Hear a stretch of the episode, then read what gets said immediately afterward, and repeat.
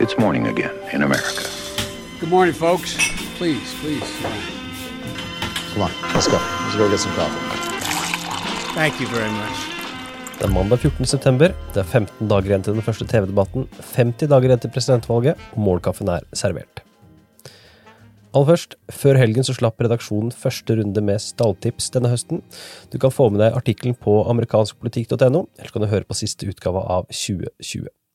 Og i debatt mot sin utfordrer Sarah Gideon før helgen, så nektet senator Susan Collins, republikaner fra Maine, å svare på hvem hun vil stemme på i presidentvalget. Hun har tidligere sagt at hun ikke stemte på Donald Trump i 2016. Dagens første sak, Bloomberg åpner lommeboka.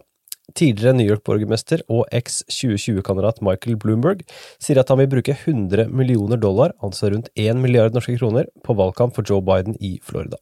Avgjørelsen skal han ha tatt etter at det ble meldt at Donald Trump vurderte å bruke en tilsvarende sum av sine egne penger i valgkampens siste uker. Bloomberg sa da han var aktiv presidentkandidat at han var åpen for å bruke opptil 200 millioner dollar på å sikre at man kunne slå Donald Trump i november, uansett hvem som endte opp som demokratenes utvalgte.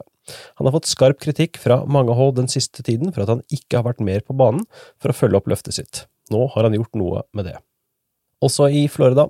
Delstatens høyesterett har avgjort at myndighetene kan kreve at tidligere straffedømte betaler alle sine utestående bøter og saksomkostninger før de kan få tilbake stemmeretten etter soning. Dagens andre sak. Biden leder, men målingene spriker. Joe Biden leder med 10 prosentpoeng nasjonalt på en ny måling for Yahoo News, 49 mot Trumps 39. På en måling gjort av Fox News leder Biden med 5% 51 mot 46, og på en måling utført av Rasmussen så leder Biden med bare 2 prosentpoeng, 48 mot 46. Joe Biden leder over Trump i fire vippestater på en ny måling for New York Times. Biden leder 50-41 i Minnesota, 46-42 i Nevada, 45-42 i New Hampshire og 48-43 i Wisconsin.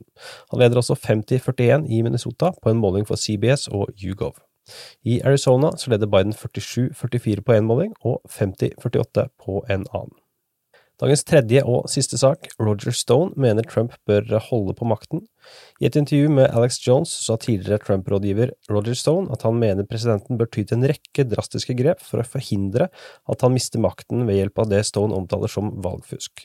Blant eksemplene Stone nevnte var å beslaglegge valgceller, innføre unntakstilstand for å kunne gjøre massearrestasjoner, og å fysisk blokkere adgang til valglokaler.